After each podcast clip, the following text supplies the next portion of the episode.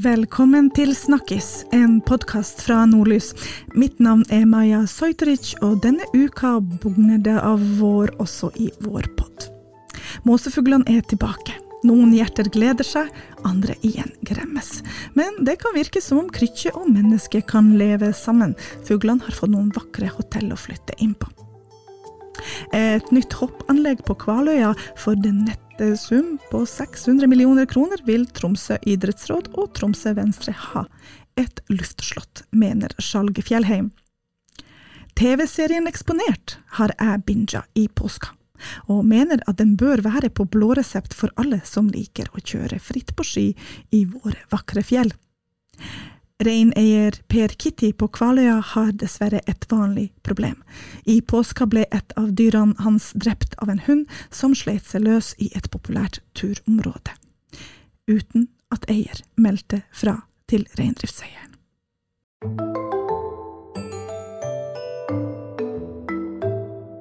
Da er våren i gang. Det har vært en fantastisk uke i Tromsø denne uka, og det skal bare fortsette. Det blir sildrende bekker og tørr asfalt. Det blir også måseskrik av forskjellig valør. For nå er de måsefuglene som vi kjenner, og mange av oss holder kjært, tilbake til byen. Inklusive krykkja som hekker på utspring på husfasader. Mange føler at krykkja forsøpler byen. Andre mener at det er et interessant og elegant innslag i bybildet. Jeg selv tilhører nok de sistnevnte. Krykkje har vekka mange reaksjoner i årenes løp, Tone Kristin Reiertsen, forsker ved Norsk institutt for naturforskning. Hvordan opplever du stemninga rundt Krykkja i dag? Ja, eh, Krykkja er jo egentlig ganske ny i Tromsø. Altså, det er ikke nytt at Krykkja hekker på husfasader langs kysten vår, men det, det, som er nytt, er jo at plutselig så begynner det å bli veldig mange av dem i bybildet, og i Tromsø så kom den hit ca. i 2015. Eh, og så har det øka veldig på, og så har liksom også engasjementet blant folk øka veldig på. Og i enkelte år, iallfall i tidligere årene, så var det veldig mye negativt. Det var liksom, Og så skjønte man heller ikke forskjellen på måser. Altså måse er måse. Eh, og det er faktisk veldig stor forskjell på krykkja og en del av de andre måsene, så det er en, en av de tingene vi har liksom lagt vekt på å forklare hva forskjellen er.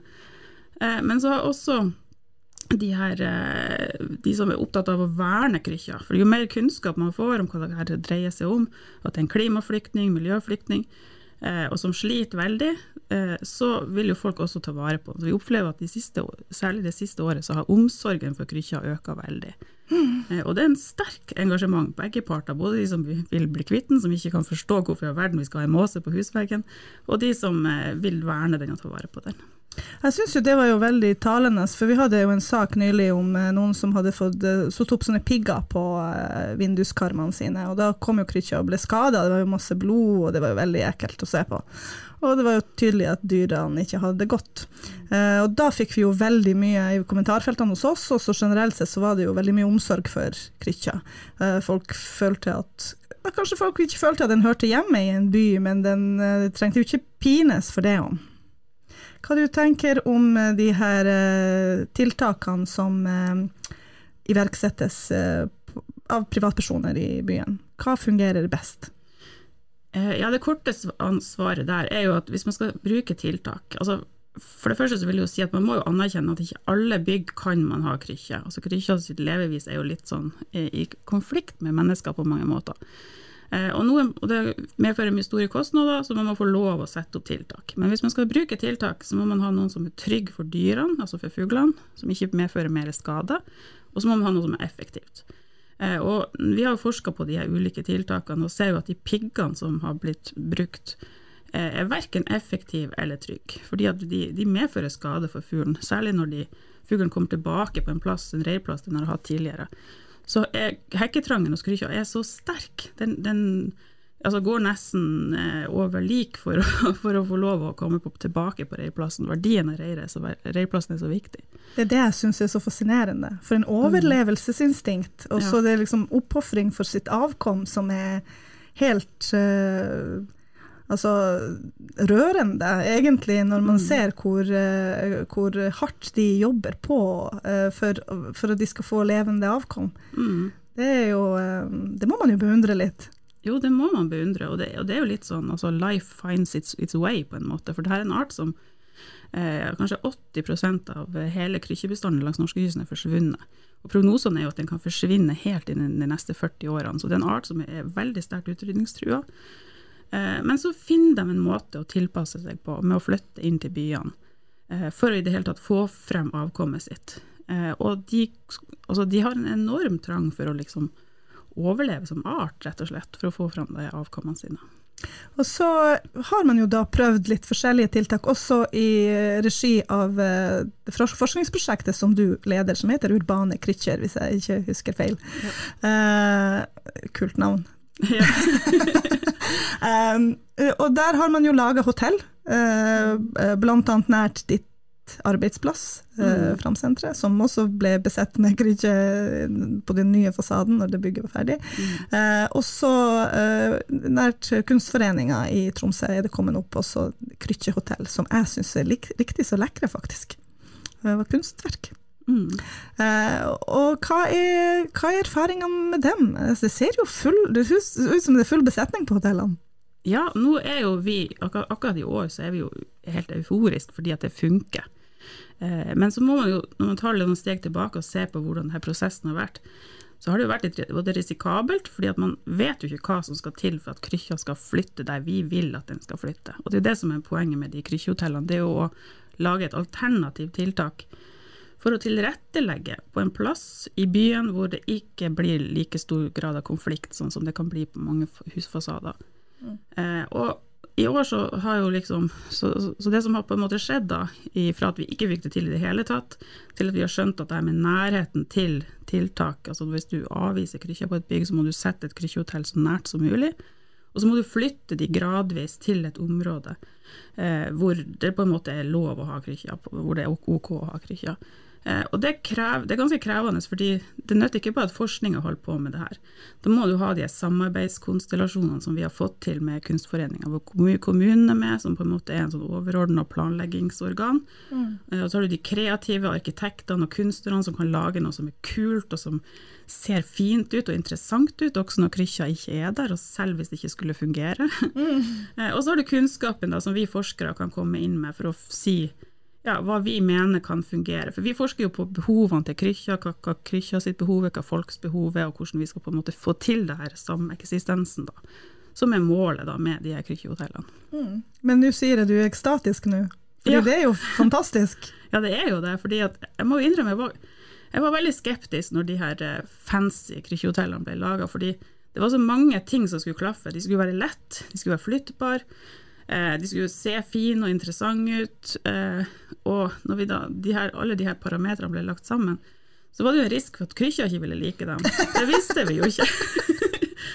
så her, og så har vi veldig kort tid på oss. Det her starta jo i høst, og så har vi veldig sånn kort vindu høst og vinter på å få planlagt det her, eh, alle de prosessene, og få bygd det og få sett det ut. Så når de ble satt ut i februar, de her hotellene, så var vi litt sånn Hæ, blir det å fungere? Og så gikk det faktisk fem dager bare ifra Krykja kom på Kunstforeninga til at de setter seg på det første hotellet. Og så har vi jo justert litt, eller de her Det her må jo, det er ikke vi forskerne som har gjort det her, de her eh, arkitektene og kunstnerne. Så de har vært på hele tida og gjort en fantastisk jobb. Gått der og flytta litt på de her hotellene og fått justert og så på en måte skjønt mer og mer av hva Krykja eh, Hva som skal til for at det skal fungere ordentlig samspill mellom menneskelig kreativitet og dyrenes overlevelsestrang. Ja, det, det er jo det. Og så er det litt sånn eh, altså fordi vi også får, prøver å få frem det her med at når man tenker byplanlegging i framtida, når du har klimaendringer, du har miljøendringer, du har arter som holder på å forsvinne, så må du kanskje også ta hensyn til andre arter enn bare mennesker i by- og kommuneplanlegging. Og det er mm. ganske sånn radikal tanke som er helt nytt. Eh, og at man gjør det i det her kunstforeningsprosjektet, er litt sånn byplanlegging i miniatyr. Og det at mm. Tromsø kommune går inn og gjør det her, eh, er jo helt, helt, helt i, i, front av kanskje det som kommer til å skje i fremtida. Ja. Men så er det jo de andre måseartene. Mm. Som eh, kanskje ikke møter like mye sympati i Tromsø by. Fiskemåsen og gråmåsen. Eh, svartbakk. Eh, hvordan skal vi forholde oss til dem, og hva skal vi gjøre der? Er det et mål om at de skal møte sympati blant folk flest, når de stjeler pølser og vaffelen og ut av hendene på barn? Ja, altså i, i, alle fall en slags mål at man må, må ha litt bedre, mer toleranse. Det er jo kanskje et mål i seg sjøl. Eh, men målet er jo også sameksistens, så man kan ikke tvinge folk til å tolerere noe de ikke liker. Eh, på samme måte som man kan ikke tvinge noen til å ikke like det de liker. eh, så, så, målet her er jo sameksistens. Og artskunnskapen er jo kjempeviktig her. Altså at man skjønner at man kan ikke bygge krykkjehotell til en fiskemåse eller en, en gråmåse, men man kan bevare grønne soner i byen. Man kan lage grønne tak. Det skjer i mange europeiske byer nå. Man lager grønne tak og tilrettelegger for også natur og, og fugleliv i byområdene. Jeg så det var prosjektert nå på det nye provisoriet til Rådstua rådhu, Rådstua teaterhus, et sånt uh, grønt tak. Og det mm. syns jeg var jo så kult. Så jeg tenkte, ja, vi er trendy. Vi utvider by, byrommet for oss sjøl, men jeg tenkte faktisk ikke at vi kanskje utvider byrommet også for fiskemåsen. Ja, egentlig så gjør man kanskje det. um, jeg har jo en, nabo som har da prøvd å bekjempe måsen, vi har jo en stor tomt.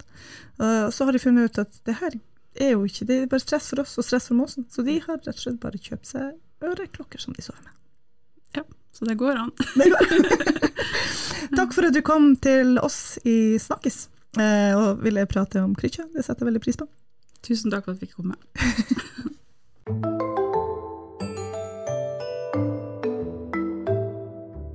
Tromsø Venstres Irene Dahl har langa ut mot Tromsø kommune, både i et leserinnlegg i Nordnorsk debatt og i en sak i Nordlys. Saken gjaldt noe som heter Arktisk arena, og det må jeg ærlig si at jeg ikke var klar over hva var. Eh, men det vet du godt, Skjalg Fjellheim, politisk eh, redaktør i Nordlys. Det er planer om et storslått internasjonalt skianlegg på Kvaløya, eh, som man har hatt en drøm om i, denne byen veldig lenge. Eh, det inkluderer bl.a. en ny, svær hoppbakke, der man kan hoppe 130 meter minst. Men det koster mye penger. 600 millioner. 600 millioner kroner, det jo, høres jo ut som et luftslott. Ja, og det er et luftslott. Uh, mye av dette må jo finansieres av kommunen. Noe vil bli finansiert av idretten gjennom tippemidler. Men dette er for dyrt, det er for få utøvere. Det er til tross for at Tromsø har stolte tradisjoner og har da en uh, i moderne tid en olympisk sølvmedaljevinner i hopp, Johan Forfang, så er det svært få som driver på med hoppidrett i Tromsø.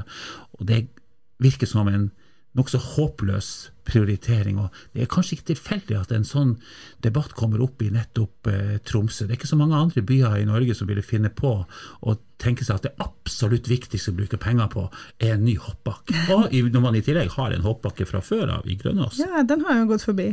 Er den, er den, funker den? Den funker jo, men den er tydeligvis ikke god nok for de få som driver på med hoppidrett i Tromsø. Fine folk, men det er ikke veldig mange. Og jeg mener at man må prioritere det som eh, folk, barn og unge i Tromsø er opptatt av. Vi bor i en by med lange vintre, med arktisk klima.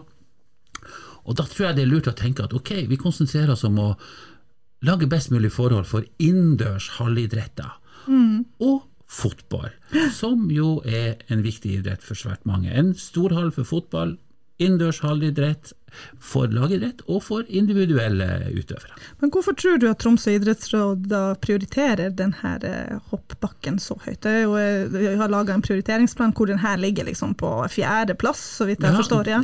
Tromsø idrettsråd eh, har jo prioritert denne hoppbakken veldig høyt, og, og så har de også i tillegg nå så har det dukka opp en innendørs løpebane for friidrett på Valhalla, som er kommet opp av hatten som et sånt nytt uh, hokus pokus-triks. Um, nei, altså Troms idrettsråd um, er ikke noe stødig samarbeidspartner for uh, Tromsø-politikerne. De virker å være veldig prega av særinteressene som til enhver tid sitter i styret i idrettsrådet, og da blir det lite strategisk tenkning. Uh, når det gjelder å dekke Tromsøs egentlige reelle behov. Så her tror jeg bare det må politisk styring til, og alle politikerne vet hva som er viktigst for Tromsø. Hallidrett, storhall for fotball, og så må resten vente. Så du ser ikke for deg at Irene Dahl fra Venstre kommer til å få mye støtte i kommunestyret for sine utspill?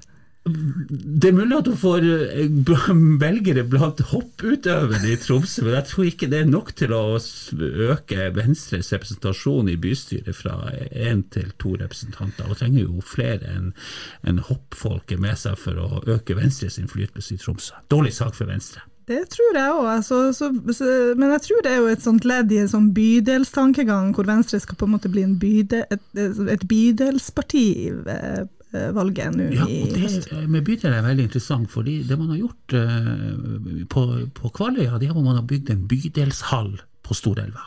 Veldig flott tiltak, kapasiteten nesten sprengt allerede. Eh, og det er jo en modell som man kanskje bør tenke mer over i Tromsø. Bygge bydelshaller for innendørs idrett som folk kan drive med hele året i en by med lange vintre og arktisk klima. Og nå vet vi jo da at eh, Nordlys eh, heller ikke på lederplass støtter denne eh, hoppbakken på Kvaløya. Um, vi går imot det, og vi sier at Tromsø trenger ikke en ny eh, hoppbakke til 600 millioner kroner. Nei, og, og, fort blir det overskridelser. Holmenkollen ble jo fryktelig dyr.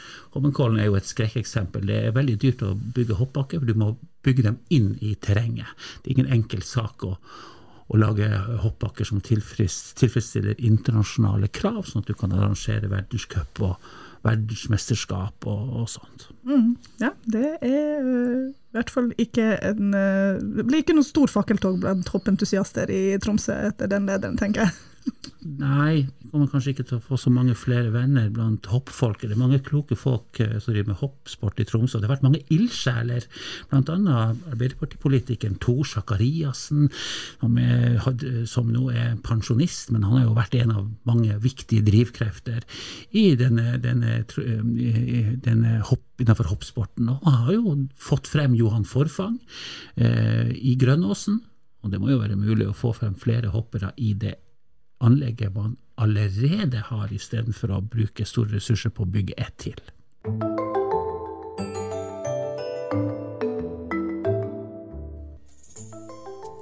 Det var en ganske tragisk helg før påske i Troms. Fem liv gikk tapt i snøskred. To satt i sin egen stue, tre sto på ski. Etter denne forferdelige helga har også debatten rast.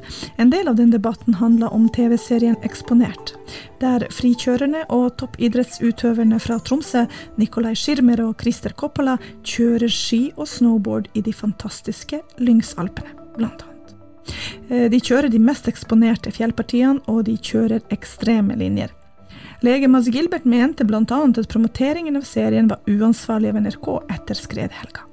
Han var skeptisk til at serien ble vist i det hele tatt, da den inspirerer andre til høyrisikoatferd. Gilbert debatterte bl.a. serien med Skirmer på Helgemorgen på NRK. Og en større debatt fulgte i offentligheten etter det. Jeg har verken evner eller interesse for frikjøring sjøl, så jeg hadde egentlig ikke tenkt å se serien i utgangspunktet, men jeg liker jo en god krangel, så etter at debatten oppsto, måtte jeg jo sjekke serien ut. Det førte til at jeg binga hele greia i påska. Det var rett og slett et helt fantastisk program, som jeg endte opp med å mene burde være på blå resept for alle som ferdes i fjellet og har lyst å gjøre gode risikovurderinger på vegne av seg sjøl og sine venner. Etter debatten hadde Ingelin Mamen, skientusiastlege, skrevet et leserinnlegg til oss i Nordlys om Eksponert. Hva mente du med det leserinnlegget, Ingelin? De fikk litt uh, unødvendig mye kritikk. Uh, det er klart timingen uh, med at vi hadde veldig uh, høy skredfare her i, i, Troms akkurat mens den ble promotert på NRK, var uheldig. Men jeg syns serien i seg selv har fått litt unødvendig mye kjeft. da. fordi den er egentlig veldig god veldig fin, og den viser et mye mer nyansert bilde av eh, det, hvordan det er å kjøre bratt og eksponert på ski, enn det mange andre skifilmer gjør. Men som du sier jo sjøl, jeg er jo sånn sofatitter de luxe. Men du liker jo å gå på topptur sjøl. Du gleder deg nå, og det er randonee-verdenscup i Tromsø. det, her jo, det her er jo en idrett som du følger med på og liker å utøve sjøl. Fikk du lyst til å sette utfor sydveggen på jekkeværet når du så eksponert? Altså, På ingen måte. Det er jo en, en skikjøring som er eh, langt, langt, langt, langt, langt, langt, langt over mitt uh, nivå. Eh, men, men, jeg syns det, det, er fett å se på. Altså, det, er, det, er, kult og inspirerende, og det er jo noen fantastiske bilder. Eh, eh de dronebildene av Lyngen og fjellene vi har her i Nord-Norge, er jo bare estetisk veldig flotte. Og for meg så er det ikke noe problem å se serier om folk som gjør drøye ting på ski, og så sove lenge og gå en, en chill tur opp på tverrfjellet hvor jeg ikke trenger å bevege meg i skredterreng i det hele tatt. Mm. Jeg syns, eh, det er, eh, det er unødvendig å tenke at bare fordi man har sett noen som driver med det her profesjonelt på TV, så så trenger man ikke ha lyst til å gjøre det samme selv. Da. Det jeg syns var veldig sånn, fint med den eh, serien, og så sa jeg også innledningsvis, er jo hvor godt de tar vare på hverandre. Det er jo tillitsforhold og vennskapsbånd som uh, sørger hele tida for at uh, disse utøverne er trygge. Uh, de sier jo nei til hverandre, de avmåler liksom hvorvidt eh, terrenget er sikkert, hvor, hvorvidt snøen er sikker, eh, hvor sola står til enhver tid. Altså, de diskuterer det med hverandre og tar uh, gode valg sammen. Um, og det tenkte jeg jo Det snakkes jo veldig lite om. Jeg har jo et inntrykk som en person som ikke kjører randonee, at man tror at folk på en måte ypper hverandre frem til mer risikovillig atferd. Uh, mens de her uh, guttene, de, og, og, damene, det var jo flere damer der, de på en måte de, de kjøler hverandre ned hele tida, fikk jeg et inntrykk av. Hva, hva sitter du igjen med? Nei, absolutt. Du vil jo at vennene dine skal kunne mest mulig om snøskred, og du vil at utstyret deres skal være i orden, fordi det er de som skal redde deg. I tillegg til at det er folk du er glad i, og du vil dra på tur med dem neste helg også. Mm. Eh, så, så, jeg syns det er veldig fint at de viser det gode kameratskapet som ligger bak eh, det å dra på tur og, og, være i fjellet sammen. Fordi det er en, et, eh, en teamarbeid. da. Eh, og det å gjøre de vurderingene og høste av hverandres erfaringer og lære av hverandre. Eh, og, og, ikke minst så viser den serien jo at man snur. Eh, jeg tror knapt jeg har sett en skifilm før hvor noen snur. Altså hvor det er tatt med i filmen at de som skal på tur og kjøre et eller annet, eh, bestemmer seg for å snu. Mm. Eh, og det syns jeg er veldig fint at det tas med, fordi det ligger masse skifilmer på YouTube og, og som, eh, som, er vist eh, andre steder hvor, hvor det kanskje bare er fet musikk og folk som kjører bratt på ski og gjør kule triks osv. Og, så er det ikke tatt med at uh, de kanskje brukte fem forsøk på å lage akkurat de klippene man ser i filmen, fordi at det ble uh, noen uh, bomturer. da. Mm. Pga. skredfare eller dårlig vær eller dårlige forhold. Eh, så jeg syns det er veldig kult at de har så mange klipp av Du ser at de står og tenker, du ser at de gjør vurderinger, og så finner du ut at nei, det her er ikke verdt det. Det jeg syns også var jo interessant, og det kommer kanskje ikke så frem i den, eh, i den serien, uh, er jo at anmarsjene er jo krevende i seg sjøl. Altså, du må jo faktisk være godt trent for å komme deg opp på jekkeværet på, på, en, på en arbeidsdag og, og, og ned. absolutt. absolutt. Og, altså, se, jeg husker ikke når det er han begynner å gå, igjen, men å se Christer begynne å altså, gå midt på natta og stå på jekkeværet klokka to eller klokka fire eller når det er, det, det frister jo ikke sånn voldsomt, egentlig. Og hvis det er det som kreves for å kunne kjøre det der skredtrygt, så tenker jeg at nei, da, sover jeg kanskje heller lenge og går på tverrfredag. Det er også en fin tur, liksom. Ja, og så syns jeg også det er jo eh, mange turer de får som er helt fantastisk fine turer, eh, som viser det her landskapet vårt eh, fra sitt aller, aller beste side. Eh, men hvor de heller ikke kjører ekstremt i det hele tatt, de velger en tryggere rute. Ja, absolutt. Nei, det er jo altså eh, ufattelig mange flotte, flotte, skifjell her i, her i nord. og Masse av dem kan du gå på uten å nærme deg skredterreng. Eh, så det er helt fint mulig å drive med den sporten uten å, å, utsette seg for så mye risiko som det de gjør. Og det tror jeg gjelder de fleste som driver med randonee her i Tromsø. At eh, de legger seg på en ganske lav risikoprofil. Ja, det er jo blitt den nye folkesporten her i byen, har jeg et inntrykk av. Det er det. Naboen min hun er 68 år gammel, og hun kjøpte seg toppturruter i år. Oh, det er jo altså ikke for sent for meg heller. Nei, jeg syns det var veldig kult. Hun sa at hun hadde vært litt, sånn, litt redd første turen, men, men andre turen så syntes hun bare det var helt fantastisk. Men et, eh, et siste, Du sendte oss jo et leserinnlegg etter denne debatten, der bl.a. Eh, Nicolai Schirmer har jo diskutert med Mats Gilbert, og så har det jo vært også en påfølgende debatt hvor andre stemmer har kommet til. Um, hva, hva, er det som provoserte eller inspirerte deg til å faktisk skrive et leserinnlegg til oss? Um, oi. Uh, nei, det er, det er, flere ting. Det er kanskje det at man Altså, jeg elsker som sagt å gå på ski, og har stått på ski i mange år uten å bevege meg i farlig terreng. Og syns det er, også er kjempemorsomt.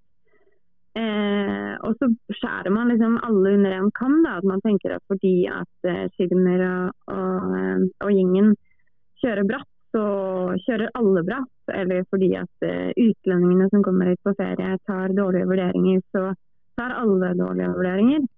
Eh, og det er liksom urettferdig, eh, oppleves det som. Og så eh, er, det, eh, er det litt sånn at hvis man går sporten i forsvar, eller i skikjøringa i forsvar, så får man ganske mye eh, kritikk i kommentarfeltene, og man blir skjelt ut. og eh, det blir sagt at man fortjener ikke å reddes, eller Eh, man burde betale redningsaksjonen selv osv. Eh, og det er veldig synd, da. fordi at det jeg liker med det, er jo, er jo sånn som på en dag som i dag, da, hvor det er strålende sol og, og alle fjella bare åpenbarer seg. Eh, så får man jo lyst til å være ute og lyst til å være i aktivitet. Og det er jo, som du sier, noe jeg skulle ønske at jeg kunne skrive på blå resept til alle. Eh, det å være ute i, i, i, fin natur med gode venner, det er noe av det, det som gir meg mest uh, livsglede. Og, og, som jeg tror er utrolig, utrolig, utrolig sunt. Både for, uh, for den fysiske og den psykiske helsa vår. Uh, så ja, det er vel kanskje den turgleden jeg, jeg føler at, at ikke burde Eh, komme med i en sånn negativ debatt da, som handler om en problematikk som er veldig kompleks, og hvor det er mange, mange stemmer som ikke blir like godt hørt i den debatten. Da.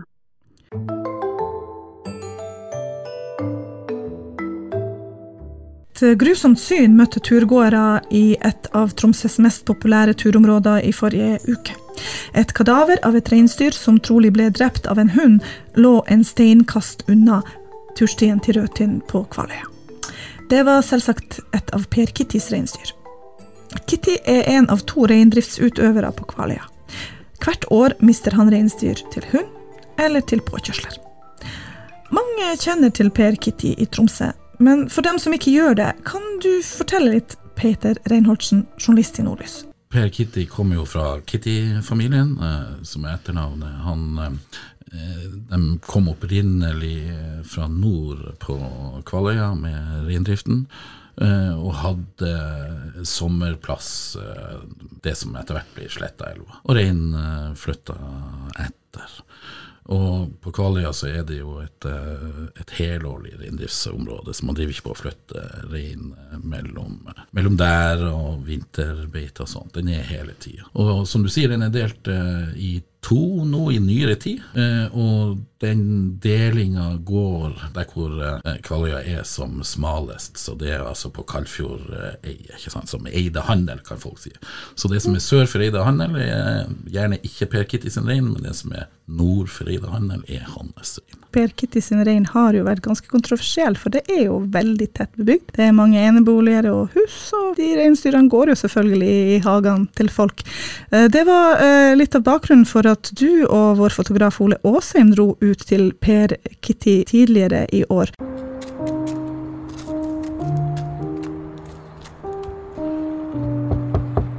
Da Førde var bygd her, i fem år slet jeg med kommunen med rettssaker. Det skulle gjøres inn. Og jeg tapte på det. Du har jo vært her før byggefeltet? Ja, ja, ja. ja.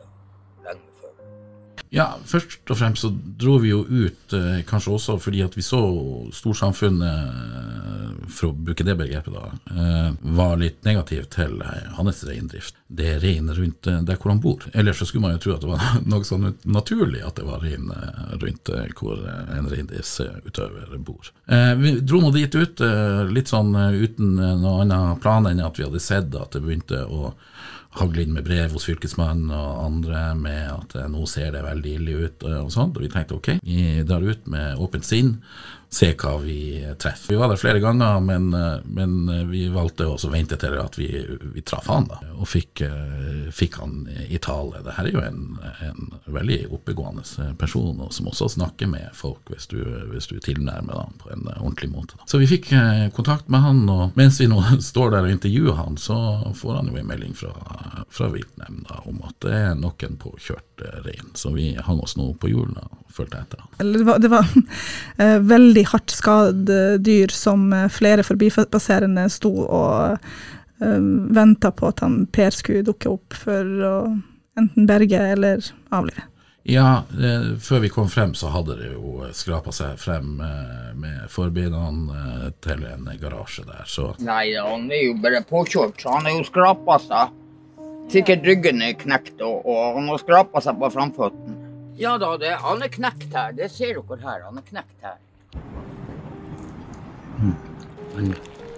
Ja, Hva kan du tenke om folk som, som kjører på og så bare ikke sier ifra? For det her ville du jo ha merka hvis du kjørte på en eh, sånn at du knekker ryggen på din. Det må du ha merka. Det må du ha merka. Det er ikke egenandel, ikke bonustap på bilen. Og det har vært i årevis. Og det her var rett ned for eh, ja, du kan si Best-stasjonen da, på, på Kvaløya. Hans eh, prediksjon var det at det var påkjørt på, i morgenrushet, og, eh, og så hadde reinen klart å skrape seg ned der. Og Da var det jo ikke noe for han å gjøre enn å få tak i en venn og lempe kadaveret opp i en tilhenger og få det kjørt og, til å bli åta. Men hvorfor melder ikke folk ifra? Ja, jeg tror han har rett i at veldig mange tenker at eh, når du kjører på en rein, så er det veldig dyrt. Da får du, koster det der 15 000 kroner. Det er liksom man har i eh, Iallfall jeg er en, en mann i begynnelsen av 50-årene. Jeg tenker at det, det er liksom det jeg har hørt. Eh, og det tror jeg Jeg har spurt også rundt, eh, rundt meg. Det er det folk har trodd, men så viser det seg at det, sånn er det jo ikke. Eh, men, men, eh, men det er nok en av grunnene til at folk ikke melder ifra. En annen grunn kan jo ganske enkelt være at folk tenker at eh, det er noe rein, er noe rein på Kvaløya, så han orker nå ikke å, melde ifra. Og kanskje er det noen som er negative også overfor både reindrift og reindriftsutøvere, og kanskje samer, for alt jeg vet. Også. Og det var jo også noe av det han sjøl sa i den eh, reportasjen eh, du skrev, da, at eh, han opplever seg ikke som godt likt uh, av sine ja, medborgere i Tromsø, kanskje på de som bor rundt han. Men vi opplevde jo faktisk etter at den reportasjen gikk ut, at folk støtta Per Kitty i stor grad, fordi de syns jo egentlig det er utrolig fælt at folk kan kjøre på, eller eh, hundene kan drepe disse dyrene uten, eh, uten at eh, folk sier ifra. Det er jo ganske makabert. Men for han er det jo dagligdags. Her er jo en person i midten av 70-årene eh, som har vært en pariakaster helt siden han var født. Han var bare fire år, så døde mora i barsel, og så Kitty Margrethe, eller Margrethe Kitte, da, som er veldig kjent reindriftsutøver på Kvaløya, som mange på Kvaløya har et forhold til. Eh, man ser henne for seg med hun er som piperøykende dame som, eh, som torde å si ifra. Men han vokste opp eh, hos henne, eh, så hun ble jo da kan du si, mora hans. Det var jo bestemora. Eh, helt fra han var liten ble han jo kalt for en finnjævel, som han sjøl sier. Eh, og han er, sier at han har endt opp med å bli det. Han har blitt det folk har forventa av ham. Men samtidig så ser du at det er et glimt inni øyet hans, sånn at han, han, han, han, sier også noe etter denne reportasjen, for å komme tilbake til spørsmålet, at det har endra seg litt, hvordan folk ser på han. Eh, og hans, eh, hans drift. De, de, ser utfordringen hans. Men fremdeles så ser vi jo det at eh, folk melder ikke fra. Sånn som den her nevnte eh, reinen som du snakka om, som eh, opp med Storelva der. Nå er det jo allmenn båndtvang fra 1. april. Uh, det her ser ut som det var en hund som hadde sletta seg fra eieren. Altså det var jo uh, bånd på hund, sannsynligvis. Men likevel så gikk det her dyret tapt. Det var sikkert veldig mye frykt og unødvendig stor lidelse for det her dyret. Per Kitty selv sier at folk må holde bedre kontroll på dyrene sine eh, altså hundene sine når de går på tur. Å overholde båndtvangen bør være kanskje minste forventninga blant for, for, folk som ferdes ute i naturen. Det er jo det. Men det er ikke så enkelt for, for alle å, å, å tenke på, på, det der. Men, men eh, kanskje når, når man ser, ser, hva det kan gjøre med, med et dyr som, eh, som, vi har sett i bildene fra, fra der, og hvor vi skjønner at det måtte jo ha vært en dødskamp der eh, som har, eh, som har vart over litt tid, i og med at vi ser eh, rett og slett blodspor over ganske mange meter, flere titalls meter der. Og du ser jo, hadde vært en kamp. Vedkommende som eier denne hunden, må jo ha må jo, må jo sitte og føle på noe nå. Jeg tenker, han er, han er ikke verre person enn at det går an å ta kontakt med han. og og snakke, så det vil jeg oppfordre vedkommende til å gjøre, å snakke ut. Så eh, kanskje man får ei bedring med, på situasjonen. Nå er det jo sånn at det ikke bare er eliteutøverne som eh, kan skyte løse hundene. Det kan jo også bøndene gjøre. Har vi hadde sett tilfeller her i Tromsø hvor bønder har skutt til og med politihunder. For det er jo faktisk eh, også i hunden sitt eh, beste interesse at den holdes i bånd, og at man har den eh, ved sin side. Om nå ikke han Per Kitty i disse dager drar frem børsa, så, så, kunne, så, så, vet vi jo at det finnes bønder som, som er både er i stand til, også, til å skyte hunder som er løse. Da er vi ved veis ende. Dette var vår andre episode, og vi finner så smått formen, vil jeg si. Um, håper vi fikk pirra nysgjerrigheten litt også denne gangen. Vi kommer tilbake onsdag neste uke. Du kan finne oss på alle strømmetjenester der du ellers finner dine podkaster. Ha det bra.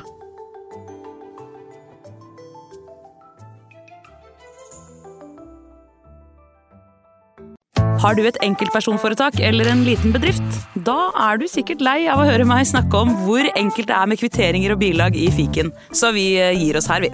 Fordi vi liker enkelt. Fiken superenkelt regnskap.